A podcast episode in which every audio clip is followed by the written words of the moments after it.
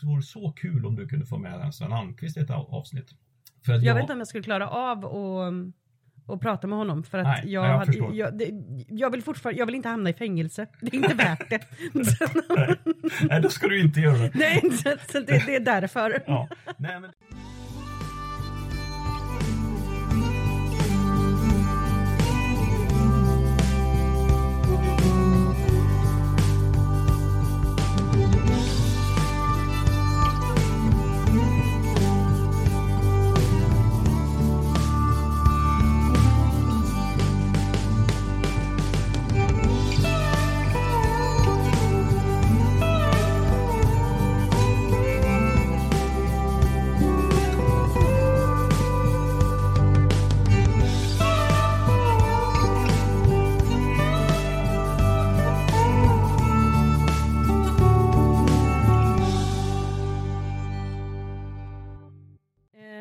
se här. Då gör vi så här, då får jag säga varmt välkommen till veckans hedersagga, Peter Genbäck. Hur är läget?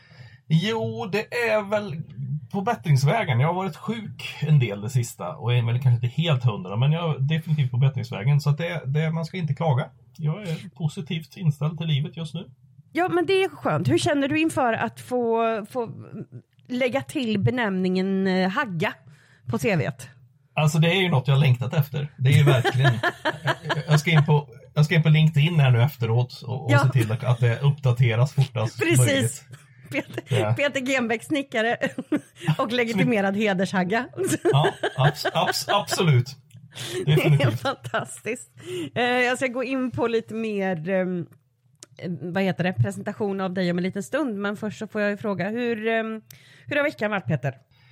Eh, den har varit eh, ja, men den har varit bra. Som sagt jag, mm. den, här, den här veckan har jag varit friskare. Förra veckan, veckan innan dess låg jag sjuk hela veckan. Men jag har varit ute och snickrat eh, och eh, har funkat bra tycker jag. Så att det har varit en, en, en bra vecka. Ja men vad skönt. Absolut. Vad snickrar mm. du? Ja, vi håller på med en helrenovering av en lägenhet i Sollentuna. Eh, Okej. Okay. Eh, väldigt kul faktiskt, rejäl uppfräschning. Eh, allt, allt görs liksom. Ommålning. Ja. Vi, vi gör ju inte målning och sånt här, men vi har, vi har bytt Nej. kök och det har fixats golv och det har satts lister och dörrar och hela köret. Men det ska knytas ihop nu veckan som kommer. Så att eh, det är kul. Ja, men det kan jag tänka mig. Jag kan tänka mig att det är en ganska... Jag gillar ju alla former av projekt där man liksom kan... Alltså en, en visuell förändring över tid. Det måste ja. vara lite tillfredsställande just den här jo, men från det, det, det till det. Mm. Ja, att när man ser vad man gör. Det, det tråkigt som finns när det, det är ju när man ska hålla på med någonting som eh, när man är klar så ser det likadant ut. Liksom. Ja, exakt. Det. Tack sen, för hjälpen, varsågod. Sen, sen vet inte jag, men du, du har väl en liten kluven inställning till hantverkare just nu? Jag har en väldigt, väldigt kluven eh, inställning till hantverkare. Jag, jag kommer ju till det för min vecka, men det, det stämmer. Det, det, stämmer väldigt, väldigt väl. kan, ju, kan ju dra den. Det är ju så att eh, jag jobbar ju på eh, Högsbo sjukhus och det här ligger ju, det tillhör Salgrenska. Men det ligger liksom en bit ifrån. Och på något sätt så har ledningen bestämt att eh, oj då, det här fungerar ju ingenting. så det är liksom allting ska fixas samtidigt. Och så någon vattenläcka, du vet allting det här, ja, det här gamla vanliga. Så det har liksom varit att oj hoppsan, vi måste lösa fasaden, taket, innanmätet eh, och eh, grunden utanför samtidigt. Och jag sitter ju i en liten sån här, ett, ja, men som ett utbyggt annex. Ja, ja. Okay. Och, och då, då, då, är det ju lite det här, jag har ju inte så svårt med byggarbetare när de vet vad de gör. Det jag däremot har svårt för, det är kusinbyggen. Och då kan jag, det här tog jag faktiskt bild på när det hände och skickade till dig.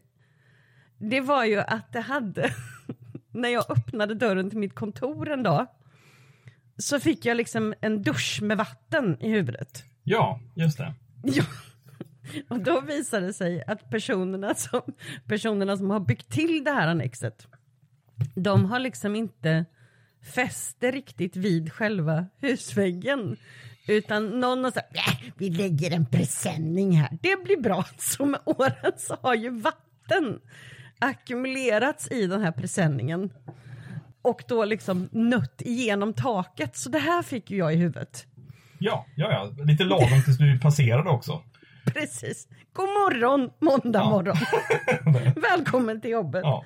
Och sen så har det här fortsatt så att det liksom varenda dag i veckan så känns det som att någon sitter och alltså borrar in i pannloben på mig. Så just nu så har jag väl blandade känslor in, inför dem. Ja, ja, jag förstår. Jag har ju sett några av dina filmer du har delat och jag har mm. varit lite så här, är, liksom arbetsmiljön för dig är ju inte optimal om man säger. Nej. Alltså, den, vi, den är långt vi i branschen, vi har ju kåpor på oss liksom, så vi har ju hörselskydd. Men du sitter ju där i det där eländiga ljudet. I, i, I, min reception också och Precis. har telefonansvar. Så jag ja. kan ju heller inte ha kåpor på mig. Ja, men att, det är ju fantastiskt. Ja, för att sekunden som man tar på sig en hörselskåpa eller gör någonting för att liksom försöka förbättra sin arbetsmiljö, då ska ju de här byggarbetarna komma rännandes och ställa frågor till mig om grejer som jag inte alls har med att göra.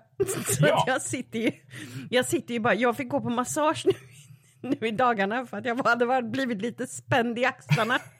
Det, var, det har varit lite pressat en tid. Det har varit lite pressat en tid och då så är det roligt att när jag var hos massagen hon bara mm, Brukar du spänna ihop dina käkar mycket? Gnisslar du tänder när du sover? Man bara, jag gnisslar tänder jämt. 24 timmar om dygnet, det är allt jag gör.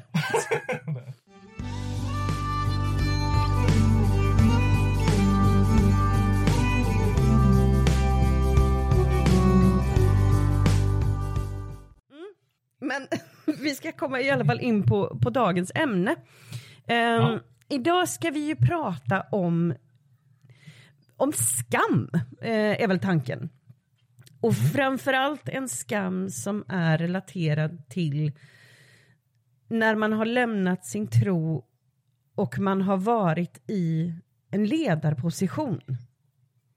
Så att man mm. inte bara har, man har den här dubbla skammen, man har eh, dels den vanliga skammen som de flesta går igenom med hur kunde jag tro på det här och hur kunde jag utsätta mig själv för det här och allt sånt.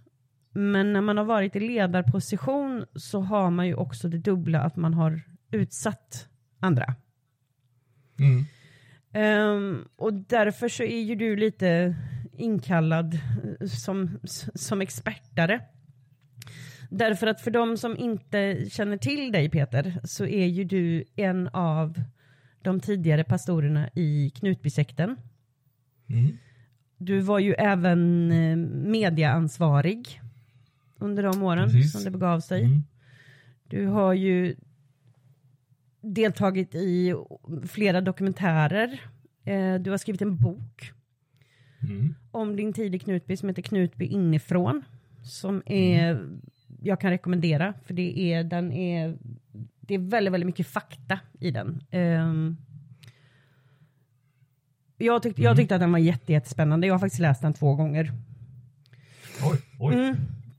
Um, och du har ju liksom engagerat dig i den här frågan. Men i hela den här soppan med Knutbysekten så var det ju faktiskt du som gick och anmälde dig själv och andra pastorer för misshandel och tvång.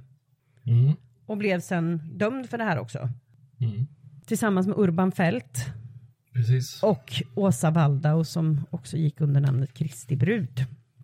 Så det är ju lite din, eh, din bakgrund. Då kan man ju liksom sammanfatta det med att om det är någon som är väl insatt i eh, ledarrelaterad skam så är det väl du?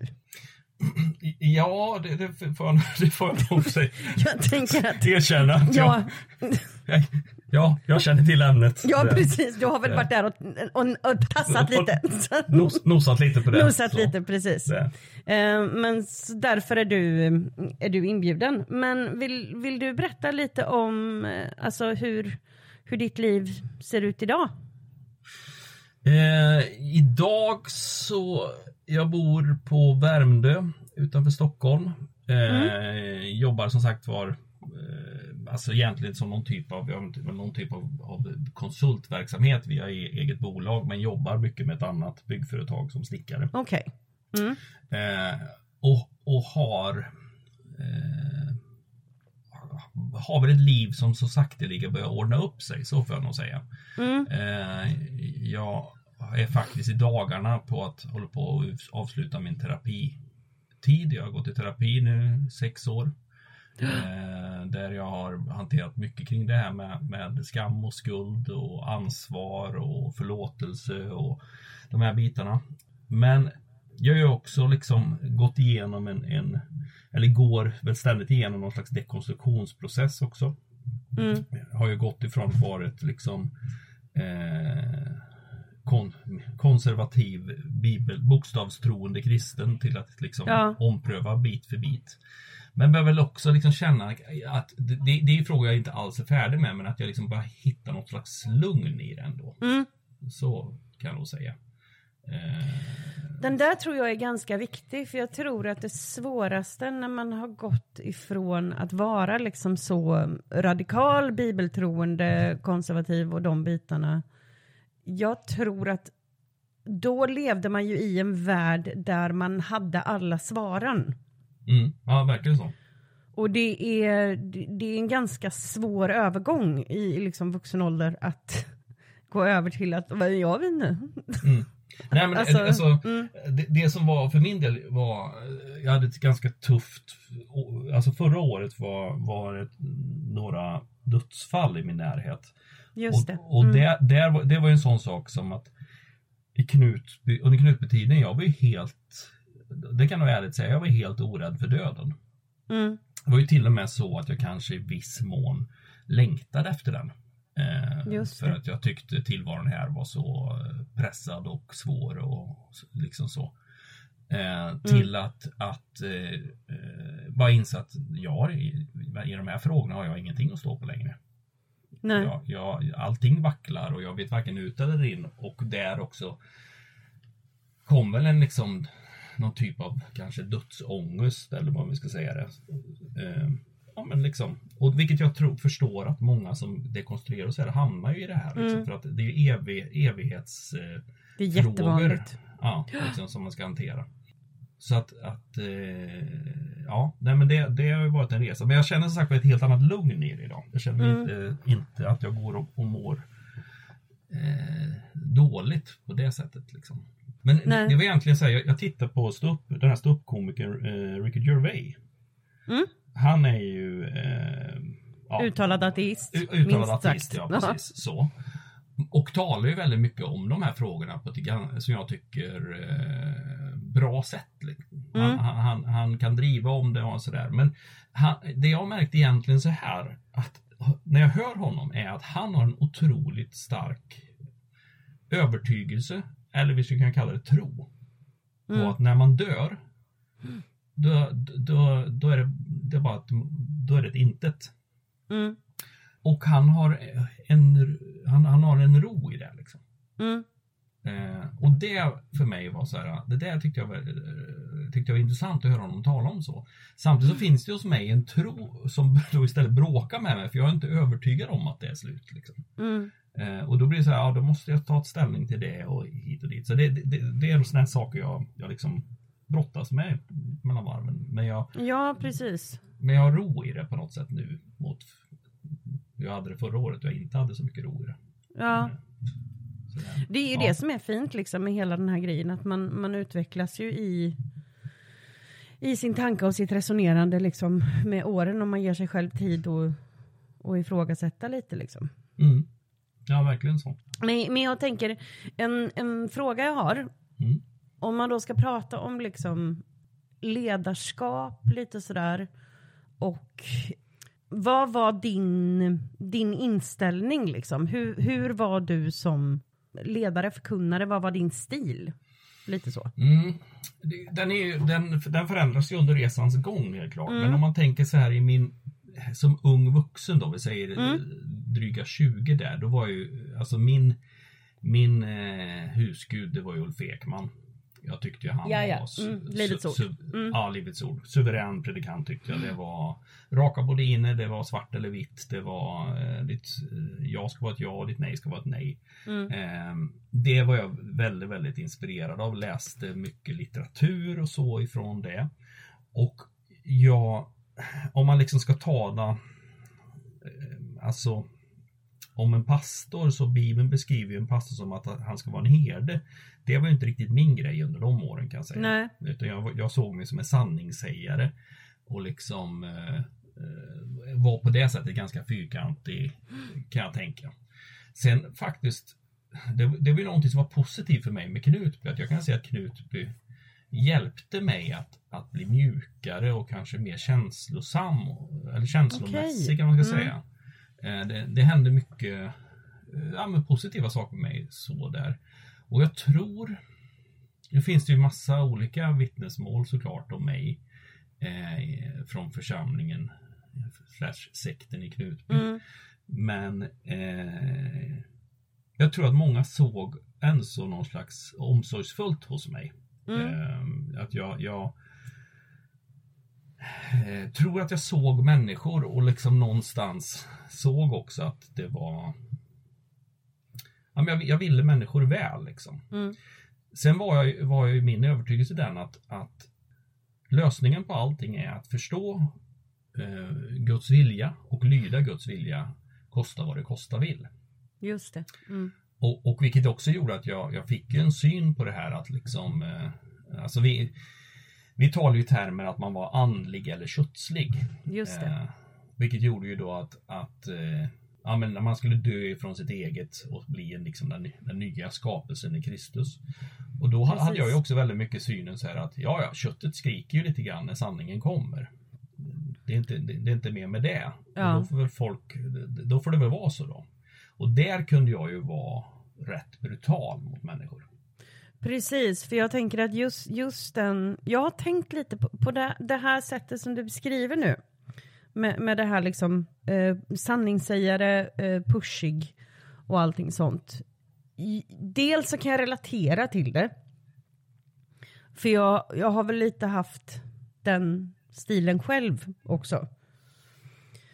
Och jag funderar lite på nämligen om, om alltså när, när man tittar på folk som har den här hårda biten så kan jag ändå se ofta att det i grunden är människor som i sig själva är ganska aggressiva. Alltså inte aggressiva på det sättet liksom mucka med folk.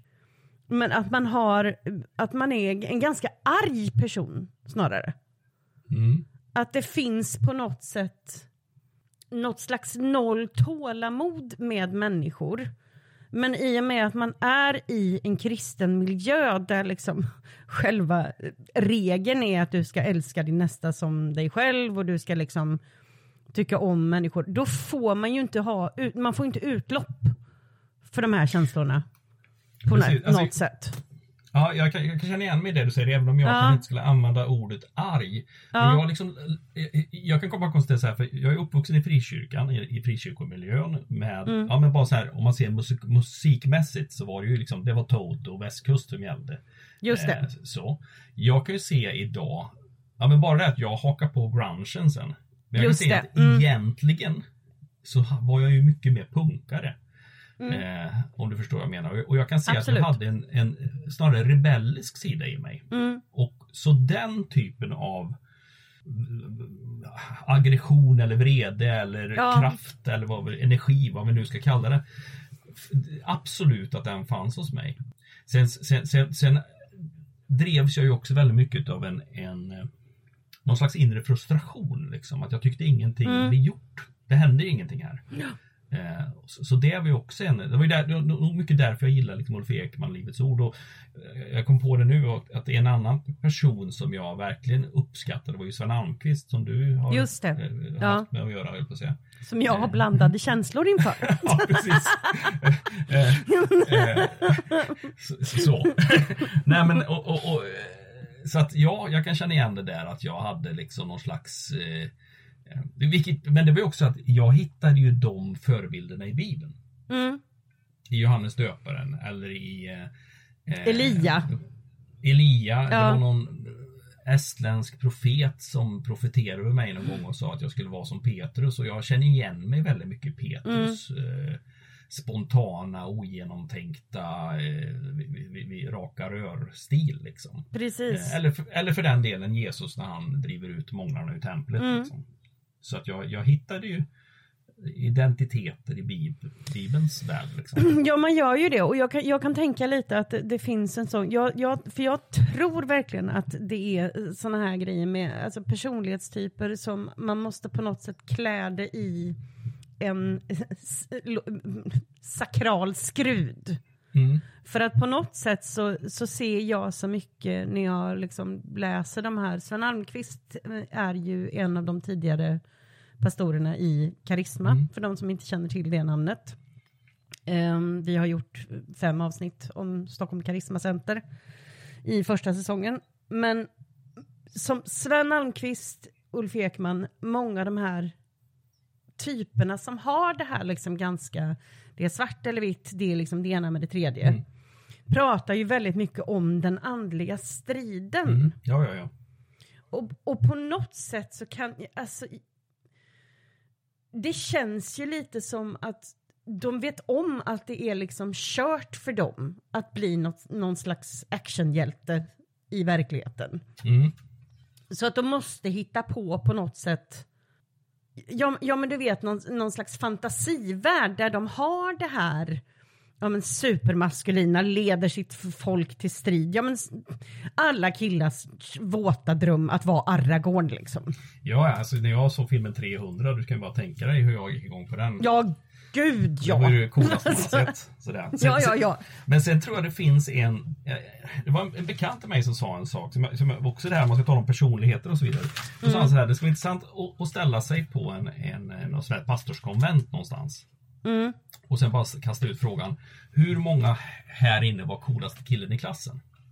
Det är precis det jag menar. Ja. För det är ju ingen av dem som har varit det. Det blir ju som när oskulder ska ut och lajva i skogen. Ja men du vet, det, Ja, det är exakt samma. Det är exakt samma sak. Det är liksom... Om man säger så här.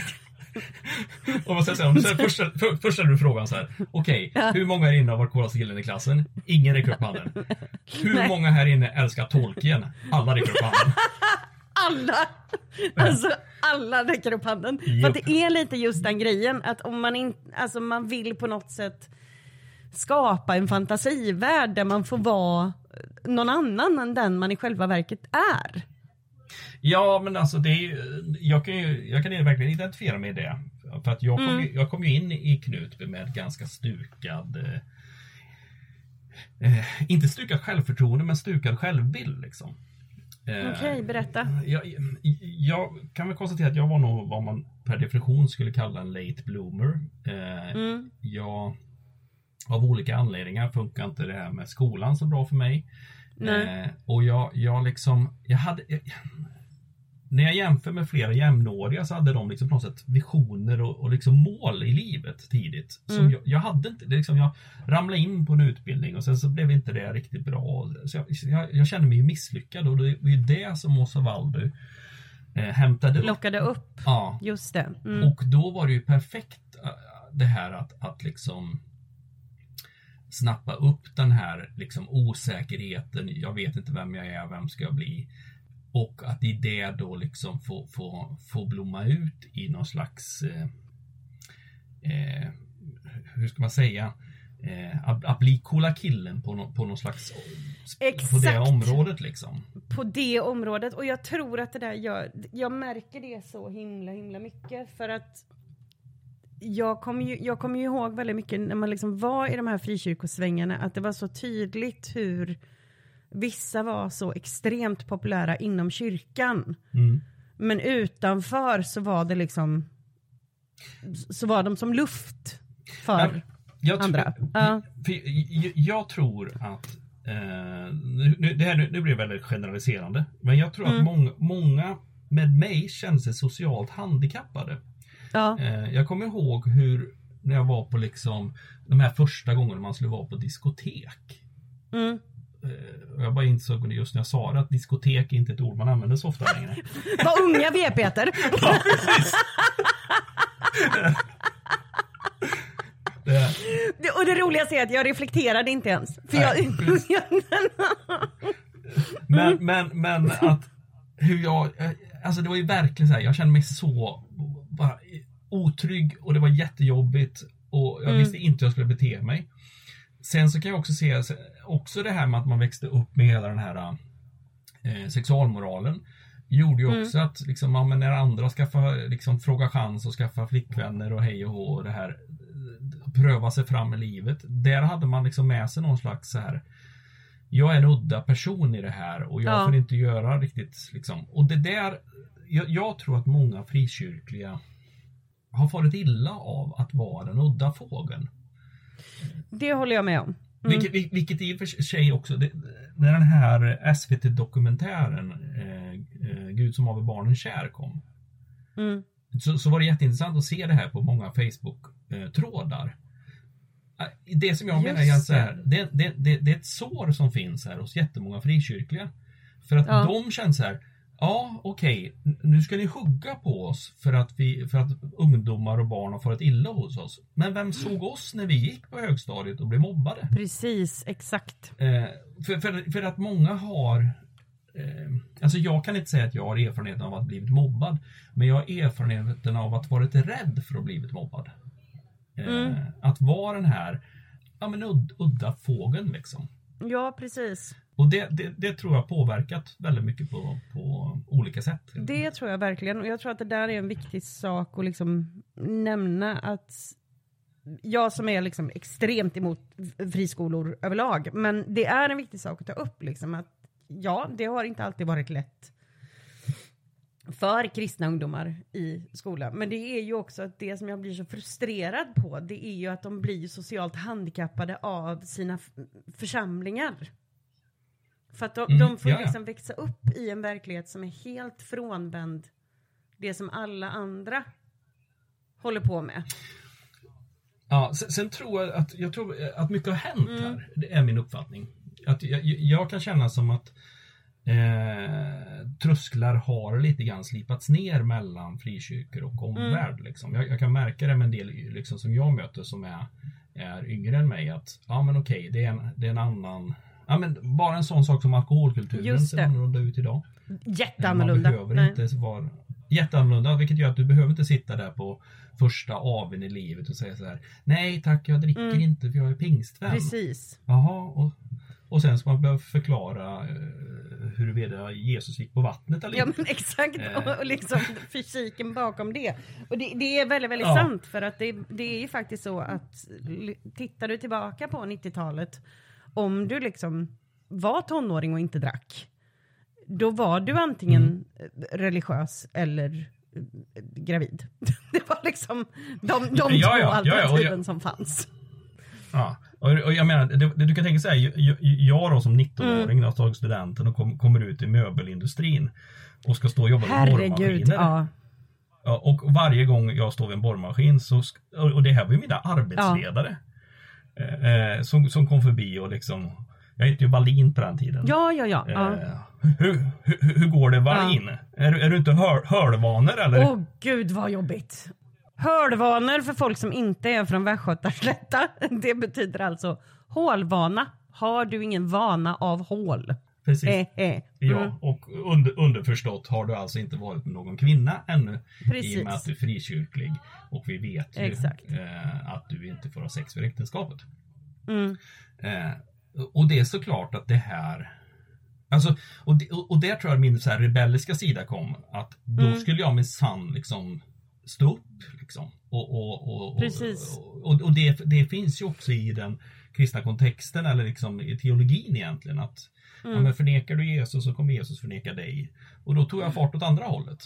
Och sen Ja. la jag väl på mig där då en väldigt eh, eh, kaxig, studdig sida. Och jag, jag, Precis. jag var ganska snabb i käften liksom. Mm. Ehm, Och du är ju från Slätta så det är inte så jag är konstigt. från Slätta som man har ju lärt sig. Eh, så att det försatte mig ju då i en hel del dumma situationer Mm. kan jag ju se. Och, och, och lite grann det här att jag, jag liksom på något sätt skulle gasa ur det här åt andra hållet liksom. Och då, då blev det tokigt. Eh, vilket jag också kan se som svar på frågan hur blev jag sen som pastor och predikant. Ja exakt. Eh, ja, egentligen också då att det är ju på ett sätt lite skamkänslor som även finns här och, Mm. och bråka med en liksom.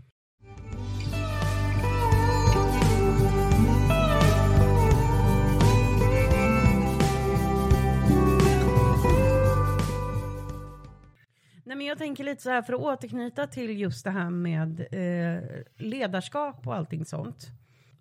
Om du ser tillbaka på din tid i Knutby, hur gick din tankeprocess från Alltså var det kollektivt? Var det att vi har liksom, vi alla är offer under en ledare? Hur, hur, hur började liksom den här delen ut ur det och hur utvecklades det? Alltså, eh, vägen ut, ut ur det började ju med att vi egent- egentligen att, att så graverande saker kom fram. Alltså vi, på något sätt var det, så här, det var ju så sjuka saker som vi gjorde och man började Ja. läsa hela tiden att det, kan det här vara rätt? Liksom? Det, det är såklart om man tänkte så. Eh, och sen så då när, när, det var ju liksom startpunkten var ju när vi fick reda på det här att, att Urban Fält då sexuellt utnyttjat en eh, 17-årig tjej. Eh, det var ju början då. Mm. Eh, och det är en lång historia så jag inte behöver gå in på så mycket så. För det, det, liksom. Men sen kan vi se att, att om vi liksom ser när det börjar rasa liksom, Urban försvinner, Åsa försvinner. Då är jag ju det. fortfarande kvar i att, ja men för, då, då tänkte jag ju så här att vi är en församling och i församlingen har det funnits en sekt. Och det är sekten som är Ah. problemet. Och nu ska sekten bort och då ska, kommer vi kunna fortsätta som församling. Och jag hade ju någon typ av hybris också i det här läget. Jag var helt övertygad om att nej, men det är såklart att jag kan vara föreståndare för det. Ja, Eh, och det var nog också baserat på att jag hade ett ganska stort uttryck omkring mig av människor som verkligen uppmuntrade mig. Och det var, det var vissa som kom hem till mig och sa att liksom, du måste vara kvar som pastor för annars så Mm. rasar allt. Liksom, och nu är det viktigare än någonsin och så här. Sen, Hålla sen, ihop. Sen, att hålla ihop det här liksom. ja. Eh, sen kan jag ju se hur jag Jag hörde exempelvis då Lin- Linnea Kuling som har skrivit Knutbyflickan Mm. eh, i en, en podcast där hon beskriver hur jag Jag kommer till henne och säger att typ liksom förlåt för att jag inte skyddat dig. Mm.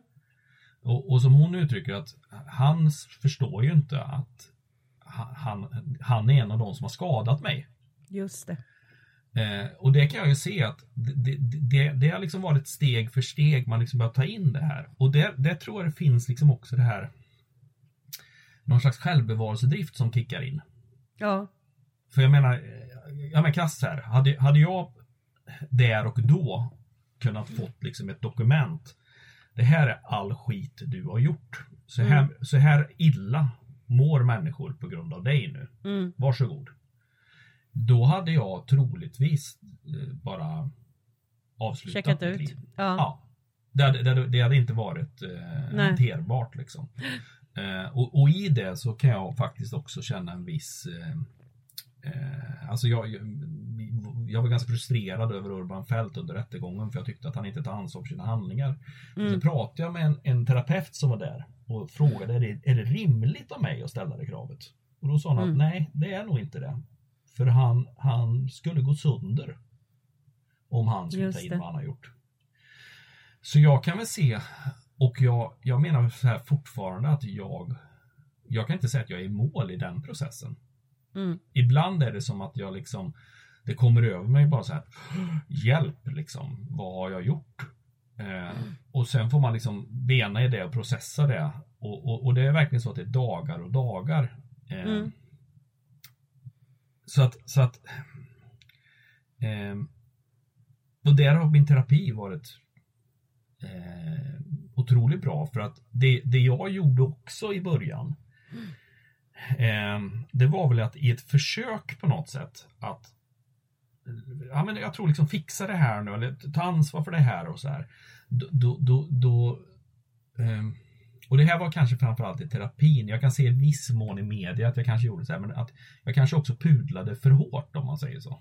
Okej. Okay. Mm. Att, jag, att jag hamnade också i något sådär att allt är mitt fel, jag har sabbat allt, jag borde gjort eh, och, och, så vidare och så vidare. Liksom att, att man, man, gör, man gör sig själv eh, Det var sån ja, men Nästan som ett offer, alltså på något sätt att man kör den här Ja, man, kör, nästan man korsfäster sig själv liksom. Ja, mm.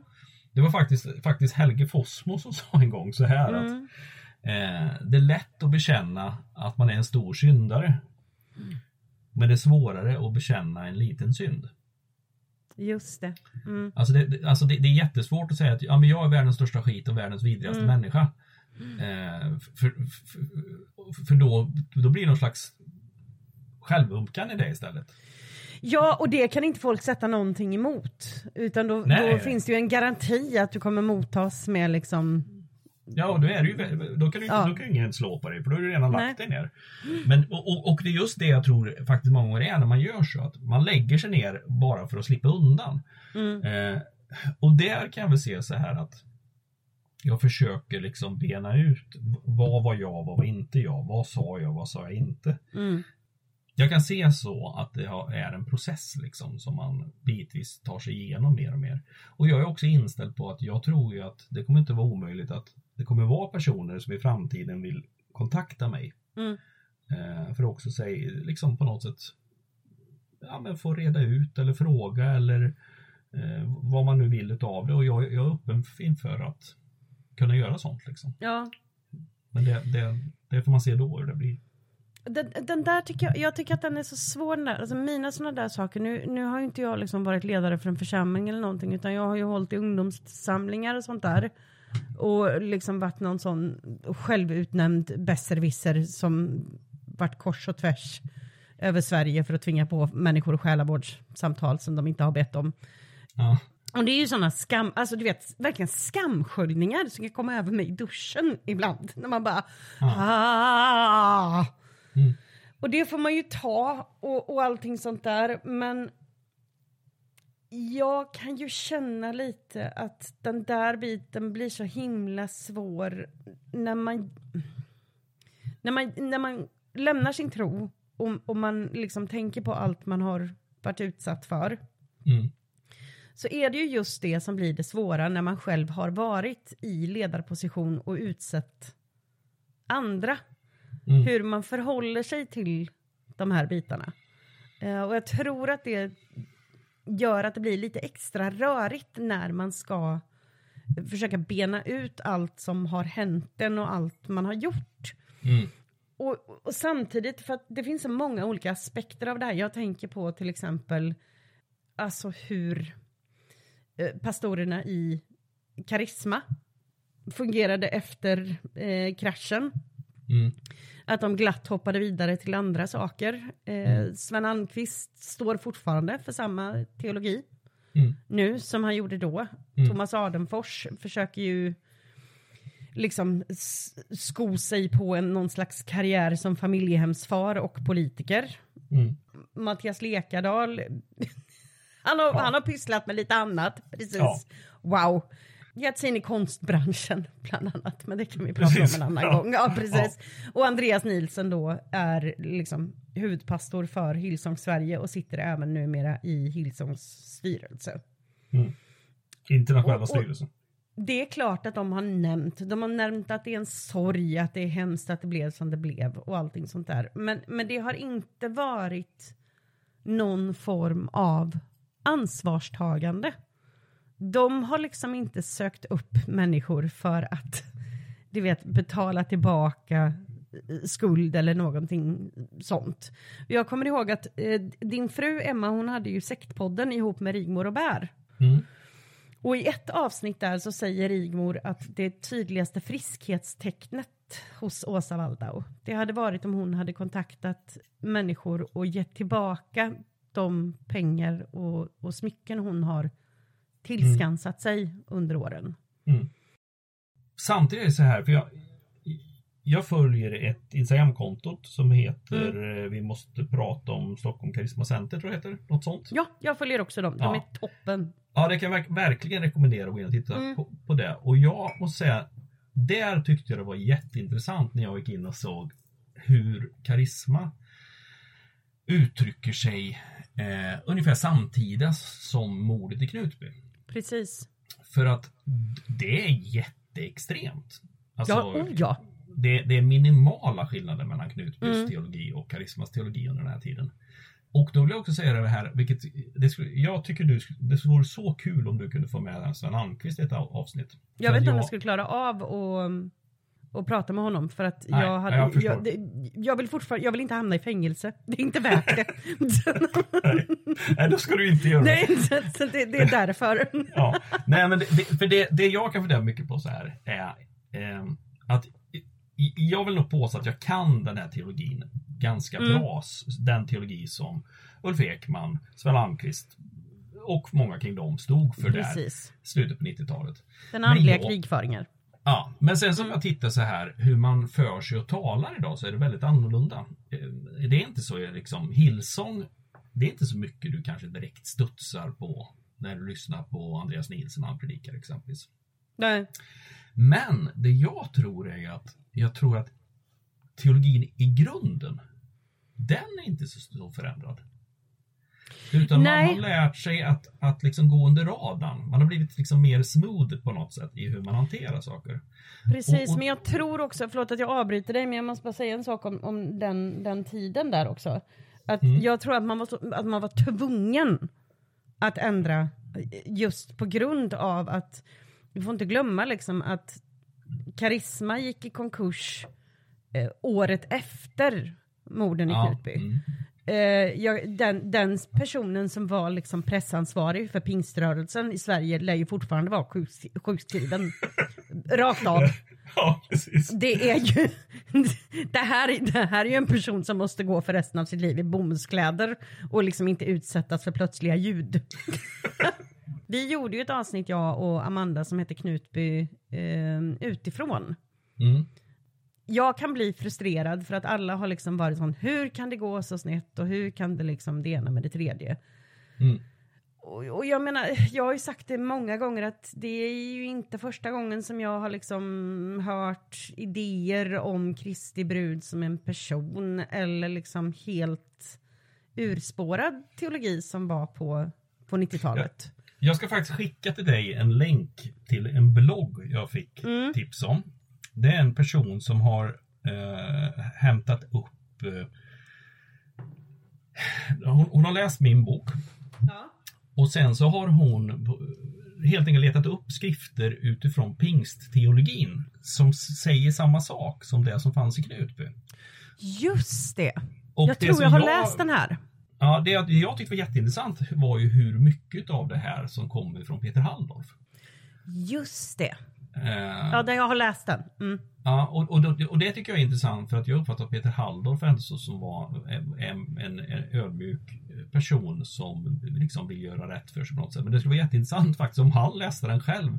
För Mm. han skulle kanske behöva gå tillbaka och lite grann eh, det kanske han har gjort i sina senare böcker, det ska inte jag säga för jag har inte läst så mycket av hans böcker. Men, Mm. men eh, jag tycker det var jätteintressant och bland, bland annat en sån sak som jag har varit så här, hur kunde vi hamna här i Knutby i det att vi tog bort eh, tystnadsplikten?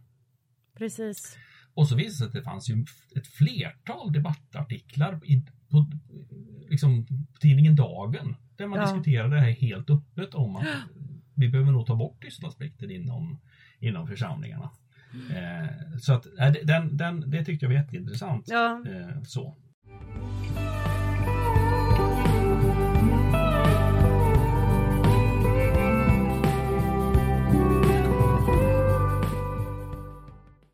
Så att, men den är svår den här biten med ansvarsdel och allting sånt där. För självklart så kan man liksom inte gå och huka för resten av livet och aldrig göra någonting mer för att man eh, misslyckats.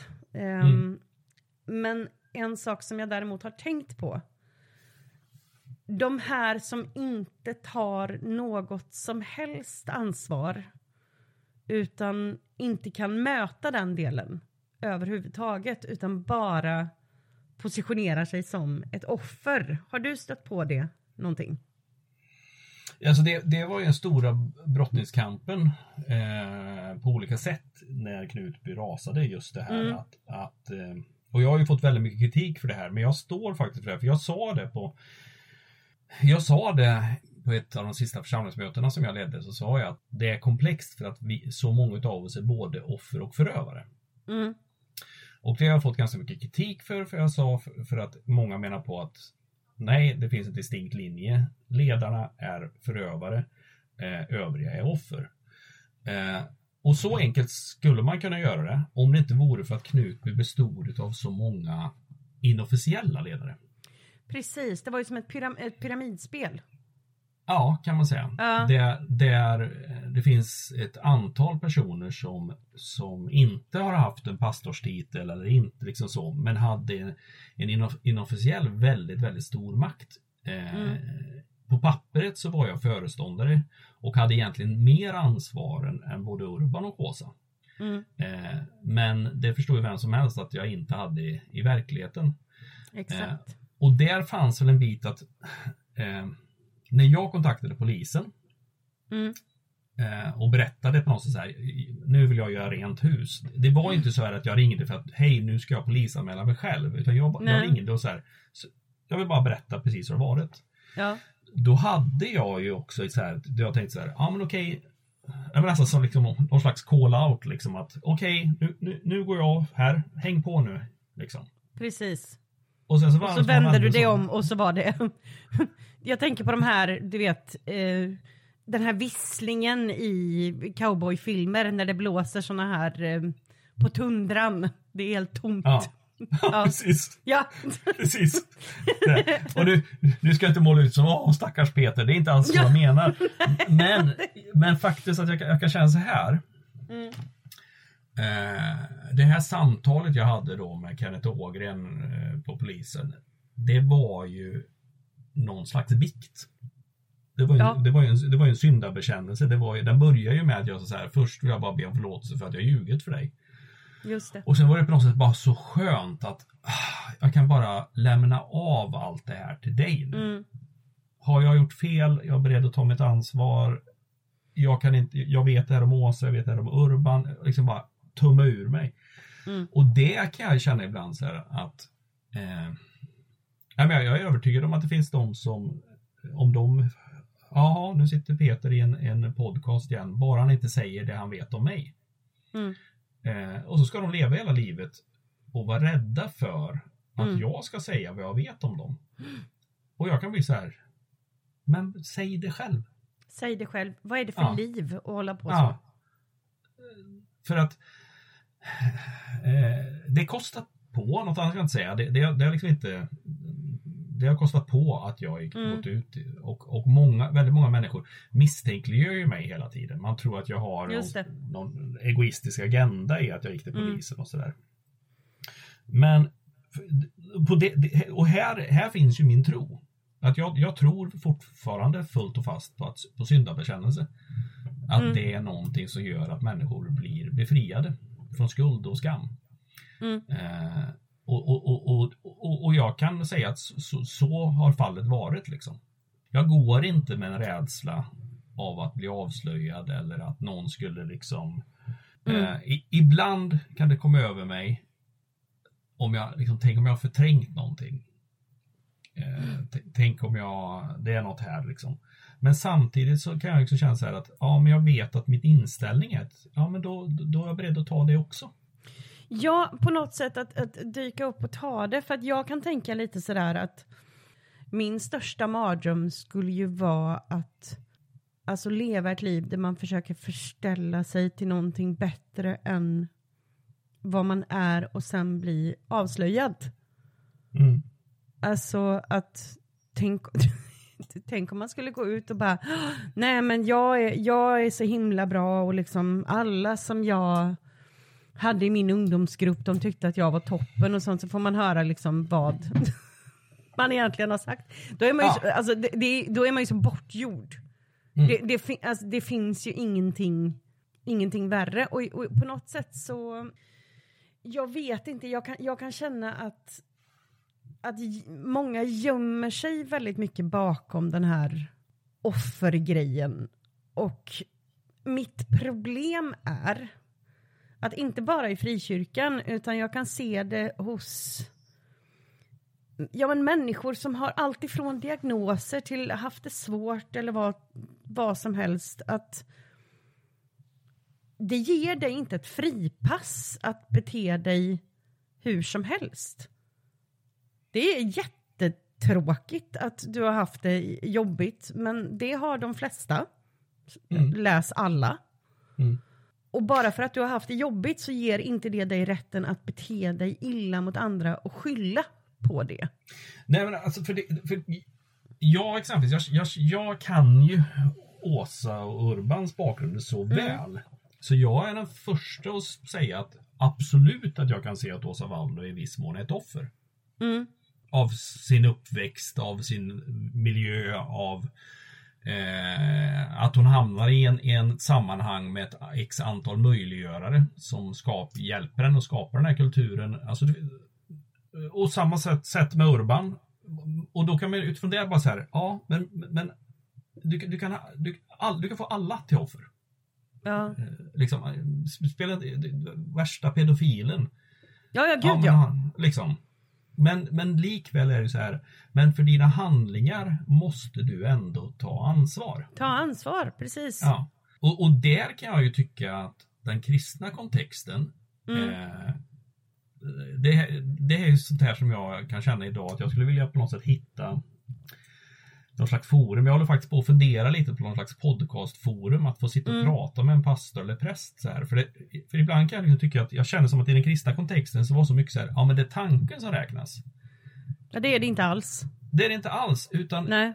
om, och också vad jag uppfattar när man läser Bibeln är att det står ju att nej, men du ska dömas utifrån dina handlingar, dina gärningar. Ja, men det är, det är väl, det är väl eh, Jakob som, i Jakobs brev som det står tro utan handlingar är död.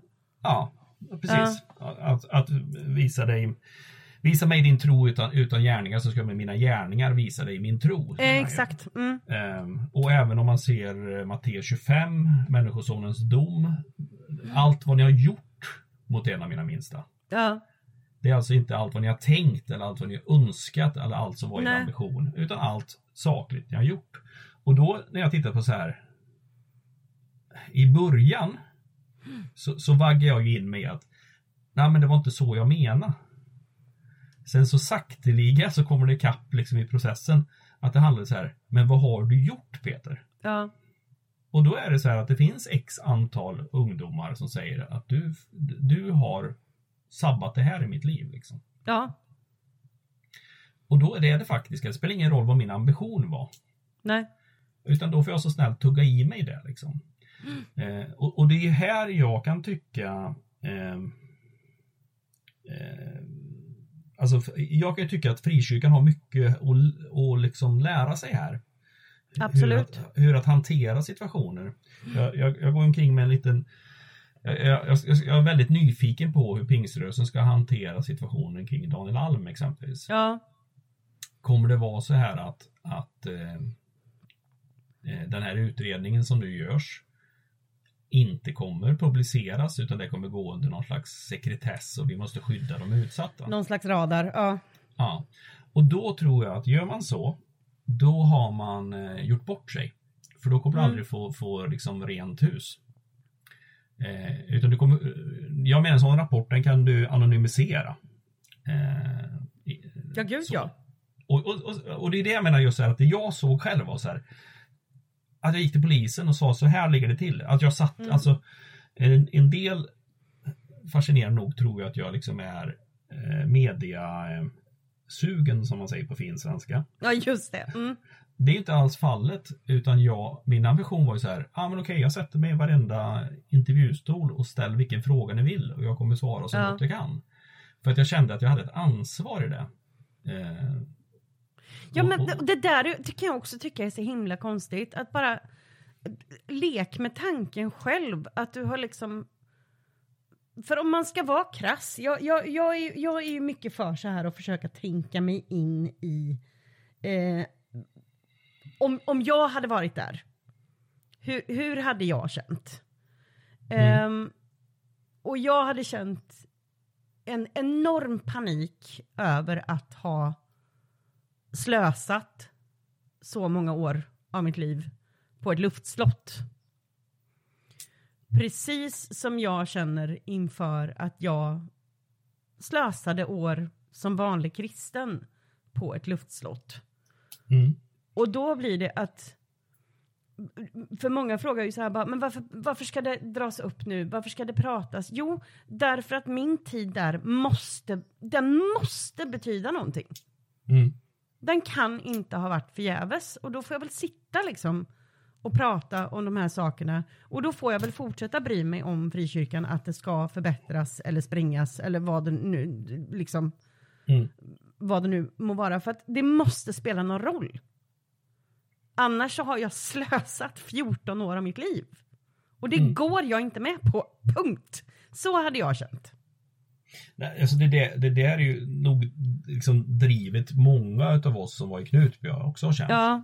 Att vi ställer upp alla intervjuer och att jag skrev min bok, det är ju det, är ju det du säger. Det får inte vara förgäves. Eh, samtidigt, och där är jag jätteglad idag för jag ser att det har genererat väldigt mycket positivt. Mm. Jag kan rekommendera folk att, att äh, läsa boken. För att jag, det är ju, du, läser ju in, du läser ju in ja. den själv på ljudbok. Och jag hade, jag har ju, det här har vi ju skojat om eh, privat, men jag har ju väldigt, väldigt roligt åt det här att om jag, om jag står och är alldeles för förvirrad så kan liksom meningen komma upp. Peter visste inte riktigt vad han skulle tänka. Så att du pratar om dig själv i tredje person.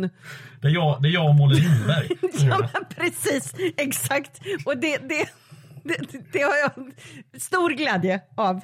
Ja. Men annars, läser man den så blir det lite annorlunda jag kan säga så här att om jag, liksom. om jag någon gång känner så här att jag börjar få lite hybris då går jag bara in på mm. Storytel och läser betygen där. Då kommer jag ner på jorden igen kan jag säga. Ja men det är viktigt, det är viktigt med sådana, det är viktigt med sådana. Ja. Livet är fullt av ödmjukande små tillfällen. Jag var ja. hos, eh, jag var hos, eh, på ett sånt spontanbesök förra sommaren hos min eh, bästa vän i Vargön.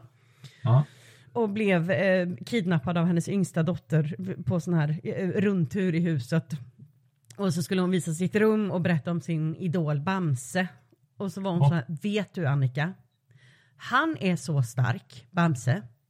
Han skulle till och med kunna lyfta dig. Tack så mycket Blanka. Det, det, det, låter det toppen! Det, det, det, jag har lärt mig via Karina Berg och Karolina Gynning att det, där, det kallas för en kränklimang. En, Åh, oh, vilket bra ord! En ja. kränklimang, ja, ja absolut. Det, det, det, är en kränkning in, inlindad i en komplimang. Just det. Det, det var ett bra ord faktiskt. Ja, väldigt bra ord.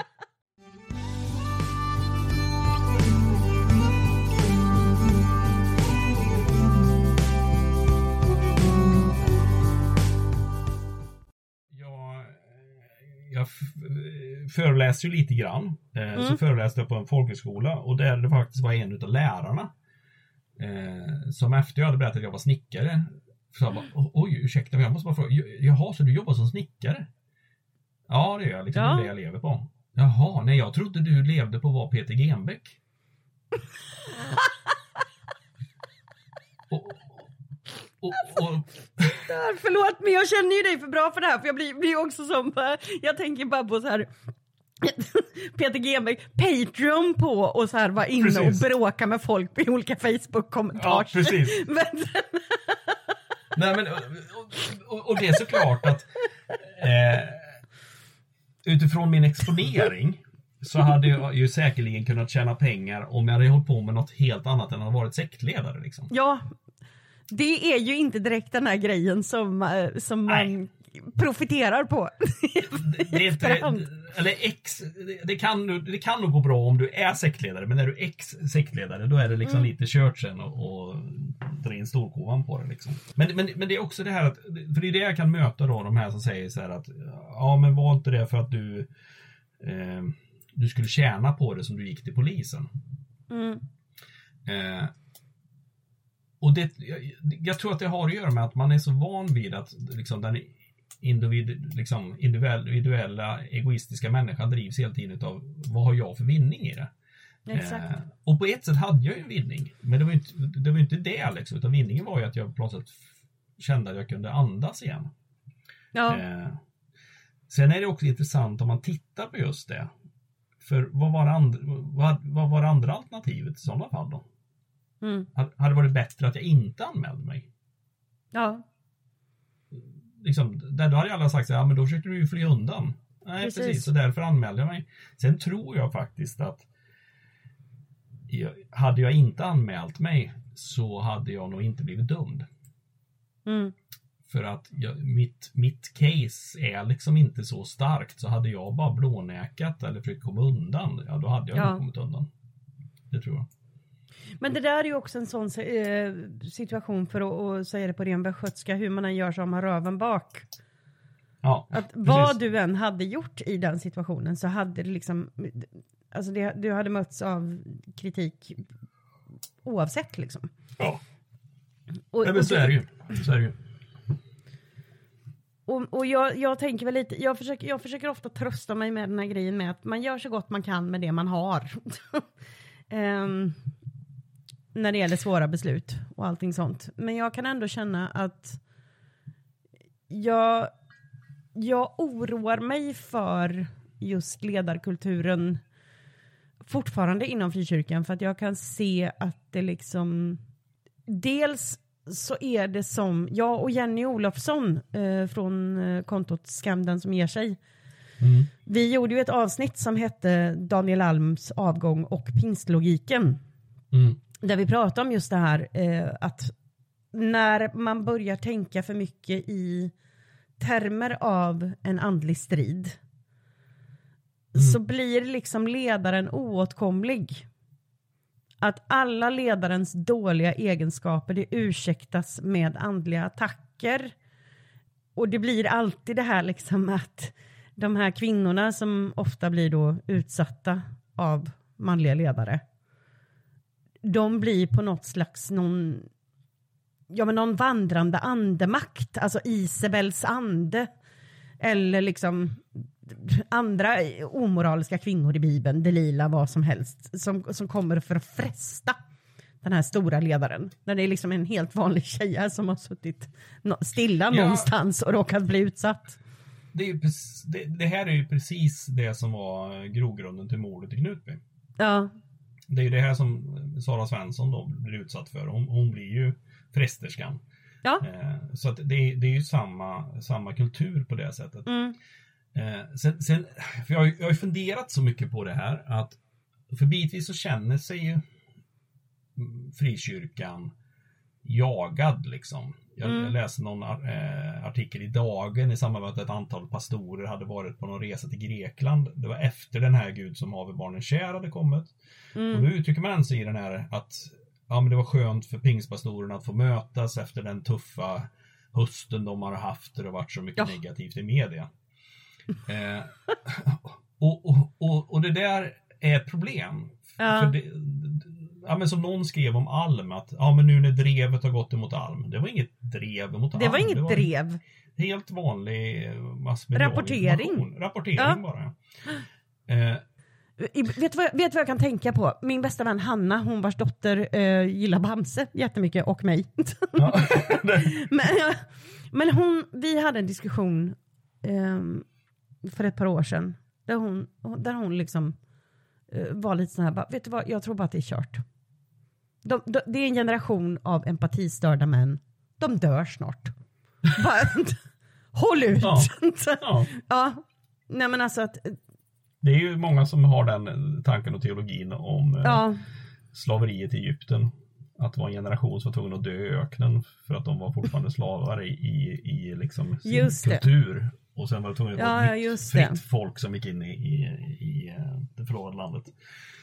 Ja, nej, men det är, ju en jätte, det är ju en jättefin teori tänker jag också för att skylla, skylla ifrån sig att man har eh, det absolut sämsta lokalsinnet som någonsin har liksom. Det är en alltså, promenad, världens mest misslyckade promenad som skulle ta nio dagar enligt kartan. Precis, 40 precis. år. Ah.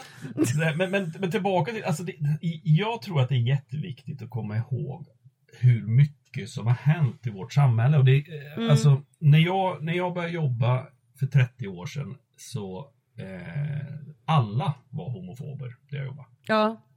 Alltså bög var ett väl använt skällsord för att förminska mm. andra människor. Eh, det var inget konstigt att det satt liksom eh, pinup-bilder på alla maskinerna. Nej, och, nej, nej. Liksom, det var inget konstigt att eh, de kvinnor som gick på liksom, genom fabrik, fabriken fick eh, diverse könsord skrikna mm. efter sig. Alltså, det, alltså samhället går framåt. Inte minst ja. metoo har ju verkligen ändrat kulturer på oh, ett positivt ja. håll. Mm. Och därför är det så här, för jag, jag har ju en, en, jag har en kärlek till frikyrkan ska jag säga och jag mm. i min sökande efter tro så, så, så, så tänker jag någonstans att jag kommer kanske landa i någon slags frikyrkligt sammanhang igen eh, mm. framöver. Eh, men jag kan samtidigt se att den här rädslan måste bort. För det, det är det jag tror är problemet. Man är så mm. rädd för eh, ja, men vad händer om vi, vi om, om, om, vi erkänner att vi har haft en kultur som... Det kan, för att det, det kanske är det som har skapat det här som har varit kring Alm. Ja men det är ju kortfattat. Vad händer om vi erkänner att vi har haft fel? Ja, precis. Ja. Här, och, och, och då menar jag på så här att där finns ett feltänk som, jag, som från mitt håll inte stämmer överens med min syn på Jesus. För faktum var så här. Mm. Okej, okay, när jag, när, så här gick det till den gången jag ringde polisen. Mm. Då var jag ute och bad. Jag hade en okay. tur jag brukar gå i Knutby. Där jag gick mm. och bad. Så gick jag där och bad. Och försökte på något sätt processa liksom att jag hade fått viss information om Åsa Urban och sådär. Och mm. eh, och då ska jag inte säga så här att det här var någon slags eh, liksom övernaturligt ingripande. Men, men det bibelord som jag började tänka på var mm. ett sammanhang där det står att, eh, att Jesus utstod skammen. Skammen att bli ut, upphängd på ett kors. Just det. Skam och då blev det så här, mm. just det, han utstod skam. Som att liksom det, det, det liksom han, han då utifrån kristen teologi är ju så att han är helt oskyldig och låter sig då hängas upp där. Och det är skamfyllt. Mm. Och där var det ju det som jag skulle ta till mig så här att, ja men okej, om jag nu säger att jag tror på Jesus och jag vill följa Jesus, då kan jag inte försöka undvika min egen skam. Nej. Utan då får jag bara liksom ta mussan i hand och, och stå för det här då. Trots stå att jag för det? Ja, jag förstod att, jaha, okej, okay, men jag har också ljugit inför hela svenska folket. Så mm. det är ju mm. ganska mycket skam. Ja, precis. Och det i sin tur har ju efter det så finns det ju faktiskt människor som hört av sig till mig och sagt så här. Jag var på väg att lämna allt vad kristen tro hette. Mm. För jag var så besviken på pastorer och ledare. Mm. Men på grund av att du har tagit på dig ansvar mm. så fick, gav det mig hopp att fortsätta tro. Ja. Så att jag tror att, så det, så det är här jag tror liksom att hela kyrkan har ett feltänk. Inte hela kyrkan, nu generaliserar jag väldigt hårt. Men, men, men, det jag kan reflektera Vi kan väl slå över, till med 99,8 procent. Ja, vi, något sånt. Jag sträcker mig till. Att, mm. att man tror att vi, man ska visa upp någonting som är så bra. Mm. Man ska ha så bra julshower, man ska ha så flashig musik, man ska mm. ha så duktiga musiker, man ska vara så duktig på sångare, man ska ha så supercoola predikanter, det ska så vara jättesnygga människor. Ja. Och jag tror precis tvärtom. Jag tror att ja. det är, för det händer någonting, oavsett om man tror på Gud eller om man är religiös eller vad här, men det händer någonting. Och det här har jag fått vara med jättemycket, nämligen när människor på något sätt eh, bara är människor inför varandra. Ja. Man liksom, jag hade ett helt fantastiskt samtal med en person en gång som hade haft lite trassligt bakåt. Och, mm. och liksom, ja men säg klassiskt svenskt. Ja, det hade varit lite trassligt och sådär. Och jag stannade bara mitt i samtalet och sa sa den här personen till mig bara att Nej men vänta lite, så här kan jag ju inte göra mot dig. Jag måste ju berätta för dig precis vad jag har gjort. Och så visade det att det fanns en mer komplex situation med en, en eh, Ja, jag behöver inte gå in på vad det här rörde sig om. Men det, men det var liksom riktigt grej som gått riktigt, riktigt dumt. Mm. Och skälet till att den här personen kände så här, du var ju så här för att, ja men du har ju stått för dina fel. Ja. Då kan ju inte jag stå här och hålla uppe någon mask som om jag inte Nej. gjort något fel. Och det är det jag tror liksom att om kyrkan skulle börja stå för sina fel. Då skulle tvärtom om, mot vad man tror folk faktiskt bli attraherade av det. Och känna så här att här, här kan jag ju komma och få, få bekänna sina Precis. synder. Och jag, För att om man tror- tänker i min sekulära, humanistiska, Mm. vad man nu kallar det, liksom ateistiska tankar. Så, så det jag kan sakna med ateismen, det, är Mm. förlå, det är förlåtelsen. Mm. Jag har ingenstans där jag kan gå till någon och säga så här, ja, nu har jag fuckat upp rejält. Nej, Kan, precis. jag, kan, kan jag bli förlåten? Ja. Eh, för jag, jag, det har jag pratat om det, jag förstår ju att alla människor jag skadar kommer inte förlåta mig. Nej. Eh, Men för min egen överlevnads skull så kan jag känna att jag har behov någonstans av att kunna bli förlåten. Och i Mm. det så finns det hos det vi kallar Gud då liksom. Eh, Men det kan vara så Jag- fascinerande att kyrkan pratar så lite om det liksom. Ja, jag kan väl snarare tänka på liksom kyrkan, alltså kyrkans roll för att jag har ju jag har ju lite annan syn på det i och med att jag inte har en tro kvar på det sättet. Ehm, men däremot så kan jag se liksom kyrkans roll i samhället som alltså, kommunitetsbaserad. Att man har tagit liksom någonting som skulle kunna vara en, en plats där människor kommer samman för att liksom lägga av sin tid, frivilliga tid och engagera sig för att göra sitt liksom samhälle bättre. Mm. Alltså skapa, skapa plats för, för ungdomar och för gamla och, liksom, och för barn och allting sånt där. Det ser jag som någonting positivt, men när det då ska liksom tvingas på en helt hysterisk teologi, att du får bara, alltså det är ju helt bisarrt. Det, Det säger så. sig ju självt Ja. att liksom om det är ett homosexuellt par som liksom vill vara med och engagera sig för att det ska finnas en, en ungdomsgård i sitt samhälle, att de inte ska få göra det för att de liksom inte lever, alltså det är ju skrattretande. Ja. Men det är ju tyvärr så det ser ut i frikyrkorna. Och det du säger med det här polerade, det är det som jag tycker är så obehagligt och det är det som stör mig med att Mm. kyrkor inte kan gå ut och vara liksom, nej vi accepterar inte eh, homosexualitet i den här kyrkan. Eller, eh, ja det gör vi. Mm. Precis. För att Precis, för det... det- Ja, vad, vad skulle du säga? Det- Förlåt. Nej men det, för det är ju den, det är det jag kan känna så här. Ja men var bara tydliga. Ja, var bara ärlig. Liksom. Men jag menar Daniel Alm får frågan på Nyhemsveckan. Är, eh, är, är det en synd att vara homosexuell? Och han kan inte svara på frågan. Nej, Nej, men ni, men ni kan säga, säga att homosexuella människor inte får sjunga lovsången. det är helt bisarrt. Det, det, det, det liksom, and, då får ni säga klart. Alltså det, är, Ja. det är det jag kan uppskatta med katolska kyrkan. Det är tydligt. Det här Ja. gäller och det här gäller inte. Och, och jag här- fattar den biten. Men, men Ja. det jag vill säga om det här som, som stör mig så fruktansvärt mycket. Att, och det är det här som liksom är frikyrkan i ett nötskal. Att de tänker att vi behöver inte lägga så mycket fokus på det där. Därför att de tror fortfarande någonstans att när du kommer med, när du blir frälst så kommer du bli befriad från din Mm. homosexualitet eller någonting sånt där. Och det där sitter så jävla djupt i kyrkan. Ja, ja. Och det är därför som de inte säger det rakt ut. För de vill ha in medlemmar. För de Mm. tror på riktigt att det här är någonting som går att ändra på. Ja, och, Och då- det stör mig.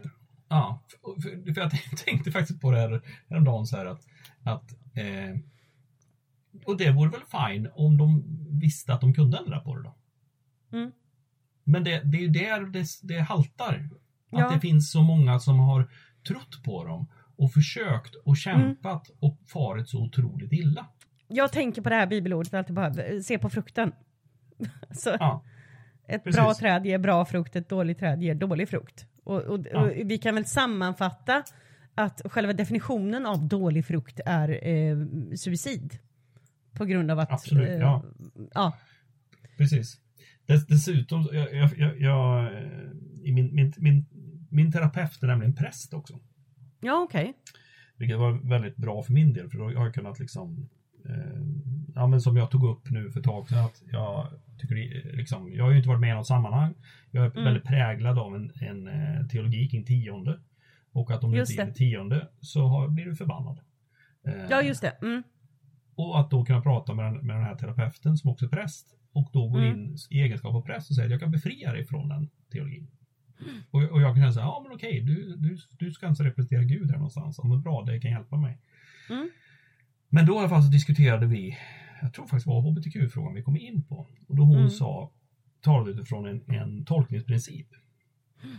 Att eh, man går först och tittar på vad skrifterna säger, sen så tittar Mm. man på vad eh, kontexten säger, det vill säga i vilket sammanhang och vilken tid Exakt. sades det här. Sen tittar man på vad vetenskapen säger. Det vill säga, är det här stick i stäv med, med vetenskapen? För det finns ju de som säger att, att, eh, eh, att jorden är platt utifrån Bibeln och sen så, ja men Exakt. vetenskapen säger att den är rund. Ja men då måste vi lita på vetenskapen. Men sen det sista man gör är att säga så här, är, men vad säger Jesus i evangelierna?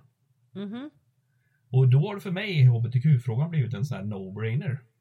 Mm. Att så, som jag uppfattar Jesus evangelierna så är han, han pratar inte ens om homosexualitet. För han Nej. är en icke-fråga. Det är en icke-fråga. Mm. Det är den där Paulus som ställer till allting. Ja, den där jävla Paulus. Det där tycker jag är så fruktansvärt roligt också. För att det där minns jag var det jobbigaste för alla tjejer. Alla kristna tjejer någonsin som ska försöka uttala Paulus namn utan att liksom eh, gnida ihop tänderna så mycket att det ryker flisor. Ja, För han förstörde allt.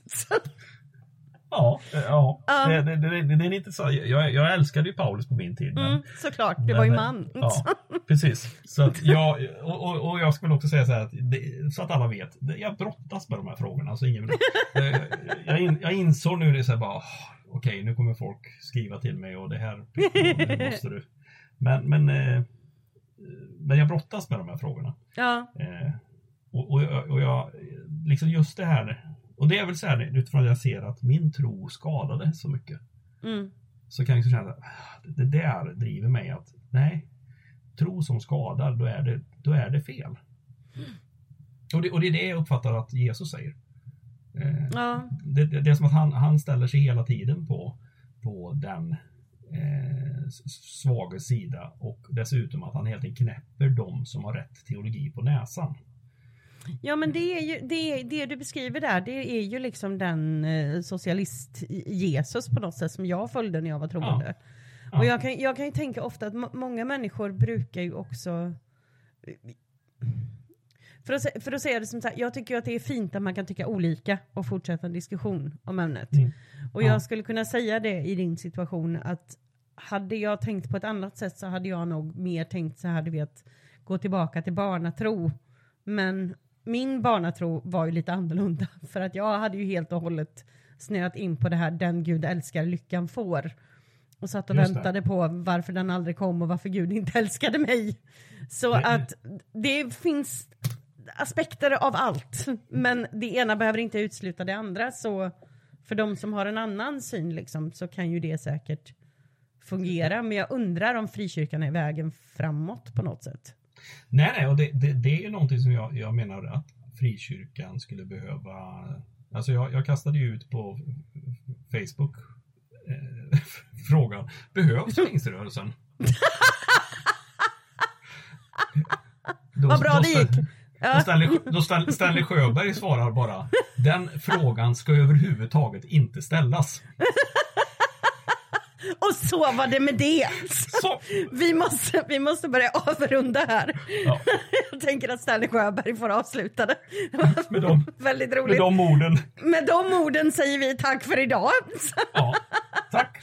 Men eh, tack snälla, snälla Peter för att eh, du var med idag för det här samtalet. Det, mm, vi brukar försöka hålla oss till ämnen och det går eh, sällan bra. Men eh, det är alltid lika roligt att prata med dig. Ja, tack detsamma. Vi, vi, Mm. ja, det var det. Det var det, precis. Underbart. Men då, du och jag hörs snart och vi andra hörs eh, också snart. Så tack till alla. Tack till dig Peter, tack till alla Patreons och tack till alla som har lyssnat. Ha det gött, hej!